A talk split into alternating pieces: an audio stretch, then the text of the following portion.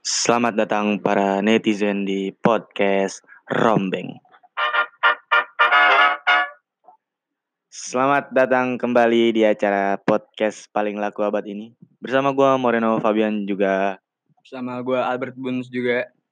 bintang tamu kita yang sangat rahasia, yang sangat hits di kalangan-kalangan remaja ibu kota.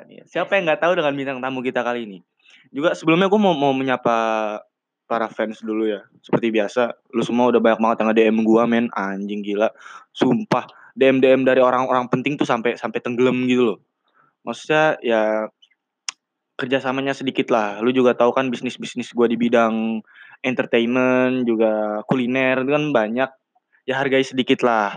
Maksud gue ini eh gue juga setia dengan eh, para pendengar-pendengar setia gua juga gua seenggaknya punya punya pekerjaan yang harus gua lakukan juga ya.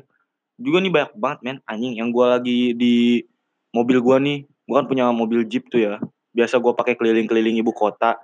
Terus juga gua lagi buka kaca nih men sambil nyebat gitu kan ya menikmati vibe-vibe-nya Pondok Indah gitu men. Tiba-tiba ada ada ada yang nyampingin gua gitu ngomong, "Bang, rombeng mana, Bang? Anjing." Men, keep calm, man. Gue di sini, tenang aja. Sebelumnya gue mau eh, memberikan salam-salam juga kepada saudara-saudara yang terkena dampak banjir di tahun 2020. Dan langsung saja nih kita ke bintang tamu kita kali ini. Di sini ada siapa sih? Boleh kenalan dulu nggak? Oke, perkenalkan nama gue Muhammad Umar. Gue di sini sebagai bintang tamu yang ada sebuah topik yang pengen kita omongin. Lu di sini mau gue bilang sebagai apa sih?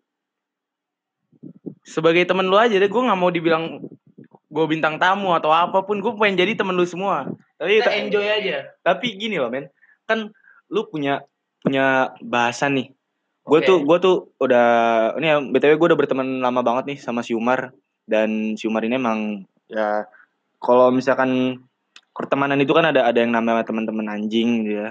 Ya ini salah satu dari teman anjing gitu.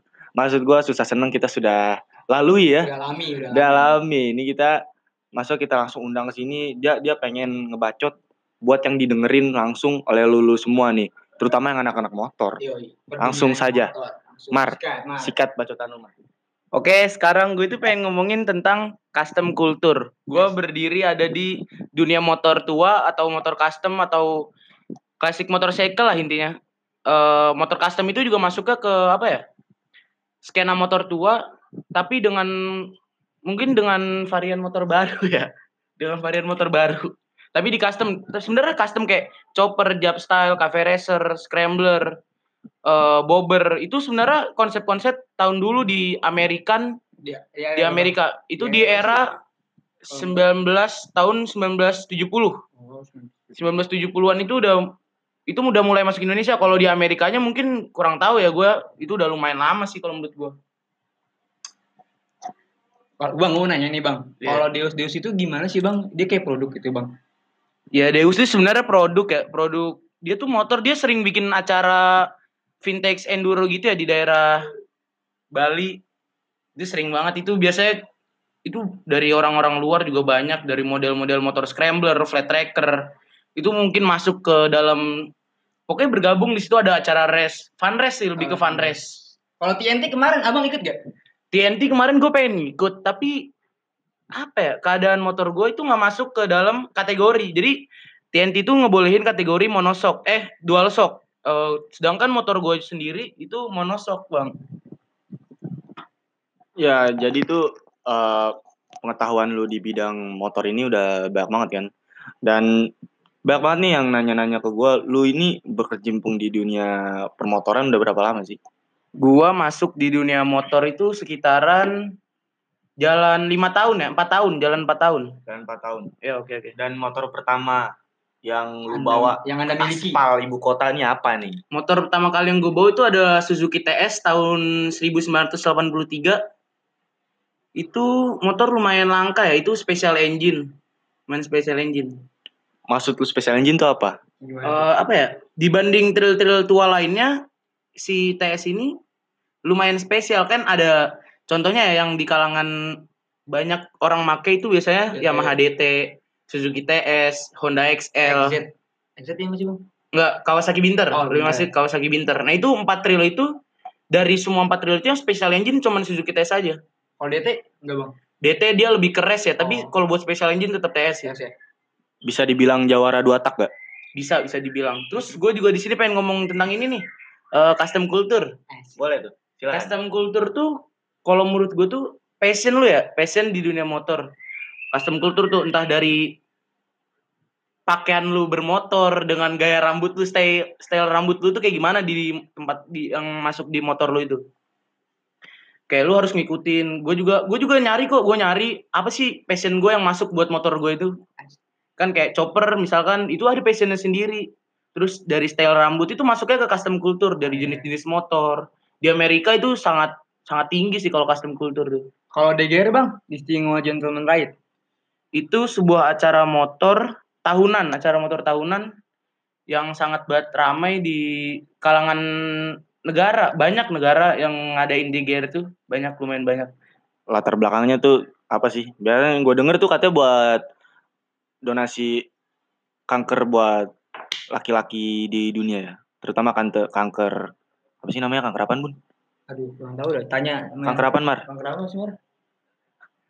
Harus tahu nih. Gue juga lupa sih Anak lumayan motor sih. Ya. lumayan lupa gue bang kalau masalah Udah nih kanker itu. eh ngomongin tentang custom culture nih kayaknya kita eh, nggak nggak ini kalau apa sih Gak ada namanya habisnya. nggak ada habisnya ya terutama tentang lokal nih Local pride. Iya pendapat tuh tentang bengkel-bengkel lokal custom di Indonesia tuh gimana sih Indonesia udah lumayan banyak ya, udah lumayan gede juga buat motor-motor customnya udah pokoknya udah lumayan deh. Kemarin yang terakhir yang Chopperland ya, yang sempat viral di berbagai dunia yang kata Chopperland dipakai buat apa namanya? Dipakai oleh Jokowi ya, Bapak Presiden Jokowi. Itu sangat sangat tinggi juga sih itu cerita Chopperland. Chopperland juga ciptaannya oleh Kikas Chopper. Kikas Chopper tuh salah satu bengkel yang ada di Mampang. Oke Elgris juga bang. Elders, ya dia Kikas Chopper X Elders. Oh iya. eh, si frame dari kikas chopper, si mesin atau perawatan lainnya atau custom-custom lainnya itu biasanya dari Elders Garage. dan nih gue mau ngomongin tentang motor nih ya kalau ibarat kata kita bahas tentang mesin kan kita maksudnya nggak bisa apa-apa negara kita masih kan Iya sih. dari luar-luar terus Iya, kan oke oke. dan tentang customnya ini sendiri ide-ide gitu menurut tuh gimana sih bang Custom balik lagi ke custom ya. Custom itu buatan kita sendiri dan apa mau kita ya. Iya Lebih kayak apa ya? Custom kultur aja artinya kayak ya apa yang ada di diri lu itu yang dipakai sama lu. Apa yang lu pakai itu adalah cerminan diri lu gitu Iya, maksudnya gitu.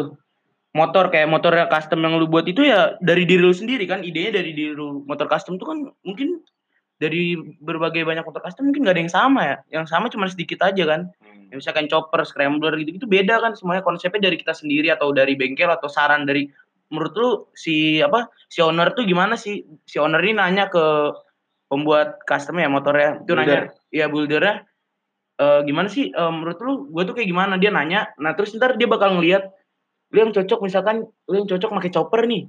Jadinya ntar gue bakal jadi oh ya udah deh kalau emang ownernya juga masuk ya mungkin itu. Itu maunya dia itu passion dia masuknya. Dan inspirasi lu dalam dunia bermotor nih apa sih nih yang kalau lu ngeliat nih motor orang bagus banget gue pengen kayak dia siapa sih? Sebenarnya nggak pengen kayak dia ya lebih kayak anjing nih orang keren juga ya ngentut gue bilang. Gue juga pengen kayak gitu tapi ya ini diri gue passion gue terserah gue maunya apa. Yang ada di diri gue itu ya punya gue nggak gue nggak bisa dong ngikutin. Mungkin bisa menuju ke sana tapi nggak bisa buat banget ngikutin orang itu. banget. Berarti ibarat kata cuman bisa mengagumi gitu doang. Iya, mengagumi. Dan nih kalau misalkan ngomongin tentang custom kan dan lu di dunia permotoran ini udah berjalan kurang lebih 4 tahun. 4 tahun lima tahunan. Iya. Susah susah senangnya apa sih? Suka dan dukanya sebenarnya nggak ada sih ya gue di sini bukan pakai motor custom ya gue pakai motor pabrikan tapi motornya tua ya motor tua tahun 83 gue selama ini juga jalan juga nggak pernah ada kendala apa pun alhamdulillah ya Hmm. tapi gue pernah nih ngeliat kayak anjing nih anak-anak Vespa yang ekstrim ekstrim tuh banyak banget yang kendala kayak apa ya mendingan harusnya servis dulu ya kalau mau jalan Iya, jauh ya mungkin iya. ya Ah. kesehatan motor nomor satu kalau buat Hmm, jalan jauh Iya, betul. ya itu sih gue mungkin kalau suka duka eh, dukanya mungkin gue banyak kehilangan temen gue banyak banget sih kehilangan Oh, temen itu gua. kita bahas di akhir di akhir podcast aja. Oh, Tenang oke, aja, itu itu bagian-bagian spesial. Tenang aja. oke. Dan nih kalau misalkan eh, lupa gue tadi mau ngomong apa. Nih, mm, lu di dunia permotoran nggak ada yang namanya banyak banget nih bengkel-bengkel eh, tokoh-tokoh motor di Indonesia nih yang bahas tentang motorcycle drama. Wah, anjing motorcycle drama oke Nah, Menurut tuh motorcycle drama tuh apa? Ya lu tau lah artinya drama itu apa. Di nggak cuma di sosmed doang drama itu ada. Di dunia motor juga drama juga ada. Tapi lu salah satu orang yang merasakan dampak dari motorcycle drama nggak? ya gue ngerasain dikit sih motorcycle drama gue ngerasain. Itu sampai di kalau nggak salah sampai dibikin baju sama brand Bandung dari apa? Stunenko. bukan bukan. Dari Pickers. Oh, Pickers. Pickers ya Pickers service. ya Pickers Service. Itu kalau kalau nggak salah dia bikin sampai bikin baju tentang motorcycle drama. Tapi lu di sini nggak, maksudnya dalam dunia permotoran lu nggak nggak nemuin kendala apa pun gitu, maksudnya kan banyak banget nih men. Bengkel-bengkel culas lah, Hmm. yang gana gini gana gini, temen juga yang yang sialan lah, Iya, yang iya. part-part bahas apa gitu segala macam. itu Lu temen sialan anjing sih parah iya parah kan? parah Dan lu lu nggak mau nggak mau lu keluarin semua nih, enggak enggak itu kalau itu privasi gue men privasi lu. privasi gue men Dan lu nih kalau di dunia permotoran nih lebih pengen ke passion atau emang lebih pengen dilihat orang aja sih? every day we grow every day every time we we grow Artinya apa tuh bang? eh sorry sorry salah salah every day we ride every every time we grow Artinya apa tuh? eh sorry sorry salah salah, salah. oke gue gue gue gue gue panjing gue di sini gue tahu ini podcast udah gede banget gue jadi kan? gue gue gue jadi gue panjing Tenang aja bang, tenang, tenang, Oh, iya. slow, slow, slow. gue jadi gue panjing sorry sorry, sorry, Tenang aja, slow. kayak setiap hari gue berkendara dan setiap hari gue belajar tentang banyak hal entah itu dari masalah atau dari kesenangan gue gue masuk ke dunia motor itu bukan karena passion gue sih mungkin karena gue enjoy enjoy your ride sih. Lu kalau nggak jago bahasa Inggris ya udahlah anjing bangsat. gue gue sosokan aja anjing gue sosokan gue juga gak jago bahasa Inggris Dan nih gua eh, pengen bahas tentang dunia malam, Bre. Dunia malam tentang jalanan-jalanan lurus 2000 sepanjang berapa meter?